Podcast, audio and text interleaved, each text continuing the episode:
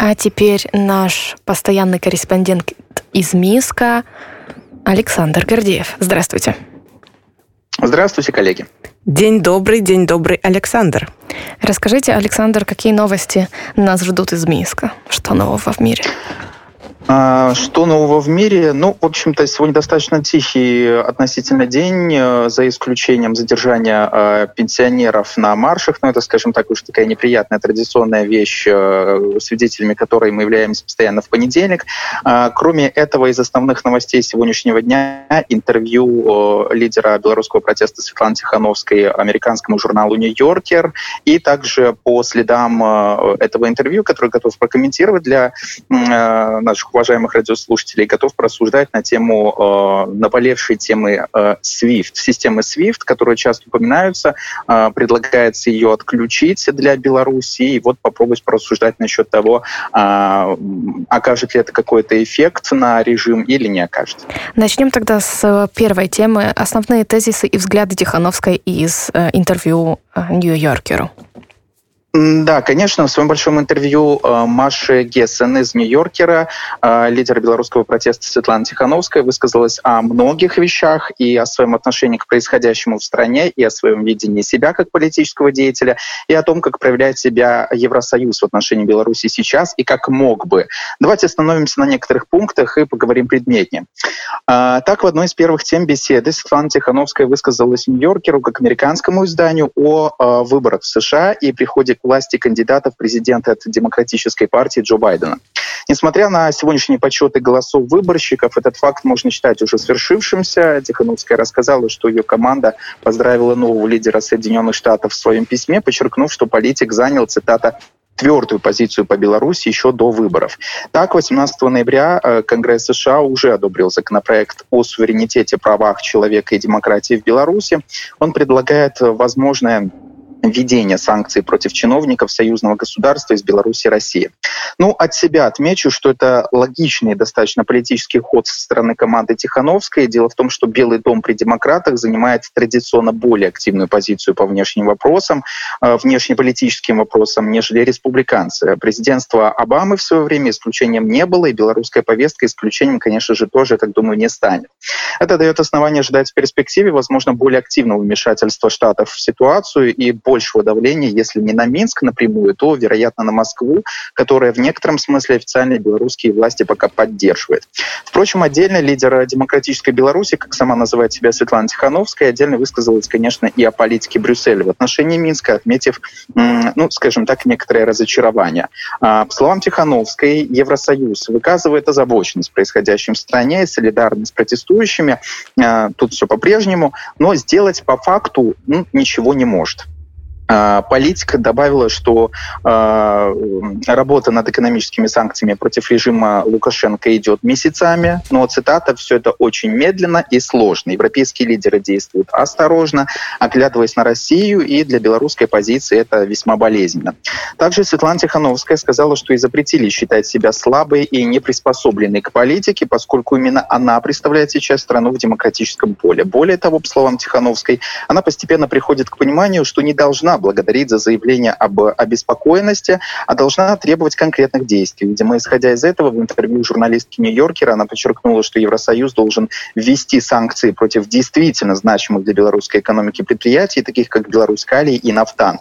Иными словами, а, прекратить кредитование этих компаний, поставлять им сырье, прекратить поставлять им сырье и покупать продукцию, что, конечно, надо сказать, для евростран будет экономически нецелесообразно, учитывая более низкую стоимость тех же калийных удобрений из Беларуси по сравнению с сырьем из других стран на рынке. Опять же, такие опять же таки, любые более решительные действия против Минска, такие как тоже отключение SWIFT, о чем я так думаю еще упомяну, э, могут влечь за, для себя уже нежелательные экономические и политические э, последствия от Москвы, которые Минск пока поддерживает, и на чье топливо ЕС пока все еще и чье топливо ЕС пока все еще закупает. Когда я говорю о нежелательных политических последствиях для Евросоюза, я имею в виду, что введение санкций против самой Беларуси с учетом низкой политической и экономической зависимости Минска от ЕС и напротив, высокой от Кремля, малоэффективно и выглядит как, ну, знаете, такая мягкая полумера. Учитывая, что, к примеру, Вашингтон возлагает ответственность за Минск на своего основного оппонента, Россию, а к мнению штатов ЕС пока не прислушиваться не могут, вводить санкции Брюсселю политически логично и вроде как даже нужно, чтобы слабость не проявить, ну и против Москвы, скажем так, автоматом. А, то есть обязательно как в отношении Минска, так и в отношении Москвы. Тогда это в какой-то мере будет, по крайней мере, хотя бы с точки зрения демонстративности, эффективно. Ну, то есть, подводя итог, у Евросоюза на самом деле не так много инструментов давления на Минск. Судьба режима Лукашенко на Кремле и политически, и экономически. Это, конечно, будет отдельный разговор и отдельная сложная для Лукашенко история. Но Брюсселя э, белорусский официальный лидер точно пока не боится. Вопреки просьбам Тихановской, ЕС пока не слишком выгодно отказываться от дешевого белорусского или переработанного в Беларуси сырья, и уж точно невыгодно вступать в слишком уж резкую конфронтацию с Россией, отношения с которой у Запада и так сложные после Крыма и Донбасса. А экономические санкции против Москвы напрямую не слишком эффективны из-за ее внутренних ресурсов и золотовалютных а, резервов. По Минску ударило бы это, конечно, сильнее, но за него пока ну, повступаются потому что Путину выгодно разрешение политического кризиса в Беларуси, ну, скажем так, на его условиях. Да и в самой нашей стране чиновников куда уж так вышло важнее чиновникам куда уж важнее усидеть на своих местах при нынешней власти, чем ну, не выехать лишний раз в Евросоюз. Коллеги? То бок Александр на ваше меркаванне Еўропа не спяшаецца націснуць на Беларусь менавіта таму што чакае дзеянняў ад рассеі так нужно трэба разумець да да совершенно верно дело в том что скажем так, зависимость Евросоюза как минимум а, от российских углеводородов остается. А, и, скажем так, любое неосторожное движение может привести к излишней конфронтации с Россией, как по линии НАТО Россия, так по линии а, ЕС э, Кремль. Поэтому, скажем так, э, если а, Соединенные Штаты, даже с учетом меньшей экономической зависимости, могут где-то позволить себе более резкую риторику, Евросоюз, конечно же, даже по, по каким-то скользким вопросам, наболевшим, в том числе по белорусской ситуации, а, склонны высказываться более сдержанно. А як вы ставитесь для, до отключения свифта? Ну, для того, чтобы просуждать на эту тему, давайте поговорим а, о том, что, в принципе, э, такое SWIFT. Попросту говоря, это международная система обмена информацией и платежей финансовыми учреждениями. Э, между финансовыми учреждениями. А Беларусь подключена к ней с 1994 года. По данным онлайн-опроса платформы «Голос», инициированного командой Светланы Тихановской, из 406 тысяч проголосовавших за отключение от системы SWIFT проголосовали более 60% э, респондентов за отключение. По-видимому, четко отдавая себе отчет, какие сложности это повлечет не только для экономики, но и для самих э, белорусов. Далеко ходить не надо, банковские карточки тоже зависят напрямую от этой системы. Расчет оппозиции, как и в случае с просьбой Тихановской о санкциях против Беларусь, Калия и Нафтана на то, что у режима быстро закончатся деньги, Россия, скорее всего, уже не даст, и он закончится э, и режим закончится, потому что силовикам платить будет уже нечем.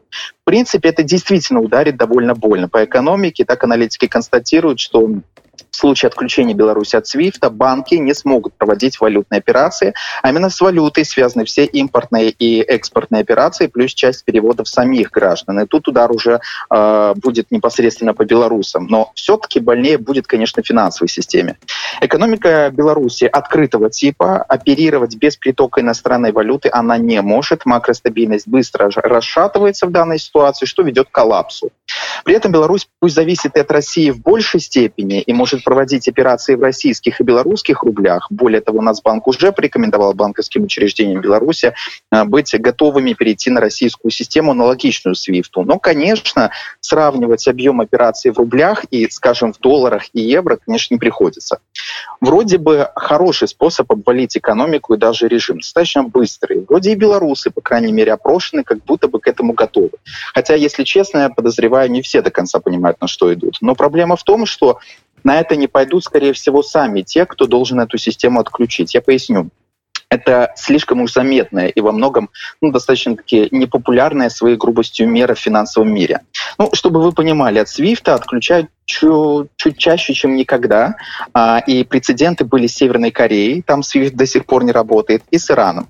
Основания а, не больше, не меньше финансирование терроризма и финансирование оружия массового а, поражения банками этих стран. Разработка такого оружия. Есть важный, кстати, нюанс. Отключают от системы не всю страну, а банки в индивидуальном порядке. Пару российских банков также после присоединения Крыма к Федерации а, отключили от системы. Но в общем и целом от SWIFT не отключали даже страны, которые обвиняли ранее в ведении зверских войн с бомбежкой больницы, использованием оружия массового поражения. Хотя бы потому, что это на финансовом языке, как я уже сказал, довольно брутальная мера, бьющая и по властям, и по населению. А эффект достигается, мягко говоря, не всегда. Ну, Северная Корея и Иран лучше тому пример. Они как существовали, так и существуют так и Лукашенковская Беларусь, вероятнее всего, нехотя в угоду, быть может, большей зависимости от Москвы, но да не рухнет за 30 дней, просто ну, плотнее присосется к российской экономике на невыгодных для себя условиях. Или же эффект будет, напротив, обратным, но тоже нежелательным. Люди э, ринутся снимать деньги с карты, закупать продукты пока можно, начнет расти недовольство такими жертвами, э, и скатывание политического кризиса в нашей стране в пучину насилия такой ситуации, может быть э, нездоровой ситуации, может быть куда как более вероятно. Но Беларусь не производит оружие массового поражения, не строит концлагеря, как в Республике Югославии в 90-х, и не расстреливает на улицах пока что. Поэтому на Западе истории э, репрессий белорусских властей против населения, конечно, вроде как прониклись, но, как и в вопросе с маломальски действительно ощутимыми э, санкциями, там не слишком спешат, уже очень много издержек. Хотя это, конечно, хороший элемент риторики оппозиции в пику э, имиджу государства, мол, действующий режим в республике настолько токсичен, что в отношении него всерьез обсуждают отключение Свифта. Это, конечно, привлекает внимание к проблеме, но в общем и целом Европа не слишком заинтересована в еще большем укреплении влияния России на Беларусь, будет политическое, экономическое влияние, оно неизбежно в случае отключения системы и попытки выжить белорусского режима за счет э, такой большей интеграции в российскую экономическую систему. Поэтому пока это скорее разговоры. А калі толькі нацбанк адключаць як вось некаторыя банкі як якія належаць дзяржаве штучна адключаць гэта будзе мець нейкі эфект ці не? Ці нужно ну, скажем так в данном случае нацбанк выступает скорее как регулятор макроэкономической макроэкономической работы в Беларуси. То есть, условно говоря, выстраивает а, макрофинансовую политику в стране, таким образом эконом... А, регулирует финансовую систему. А, удар, в первую очередь, должен быть нанесен именно в отношении самих банков, которые работают напрямую с предприятиями. То есть, например, Беларусьбанк, который обслуживает большую часть госорганов, если не все госорганы, и большую часть государственных предприятий. Вот когда предприятия не смогут, например, совершать сделки по закупке сырья или оборудования, которые а, будут проходить, конечно же, если это поставка из европейских стран или еще из других стран в долларах и евро, и они не смогут проводить эти операции, потому что будет отключение от системы SWIFT, а именно SWIFT обслуживает валютные операции по всему миру, то это, конечно же, будет иметь уже другой эффект. То есть в данном случае Нацбанк выступает скорее как надзорный орган, который выпускает рекомендации для банков. А непосредственно крупнейшие банки, как Беларусьбанк, они уже, конечно же, сразу же потеряют возможность возможность проводить такие операции для предприятий государственных, проводить э, финансовые предприятия, э, финансовые операции для государственных учреждений и органов. Ну и, конечно же, не смогут обслуживать и своих клиентов, которые будут лишены возможности э, получать переводы в долларах и евро, а также выполнять полный объем самых основных и нужных операций со своими банковскими карточками. Спасибо большое, Александр, за ваш комментарий. Мы связываемся с вами завтра в то же время. Э, большое спасибо. Здесь Беларусь ночью. Хорошего вечера вам. До свидания.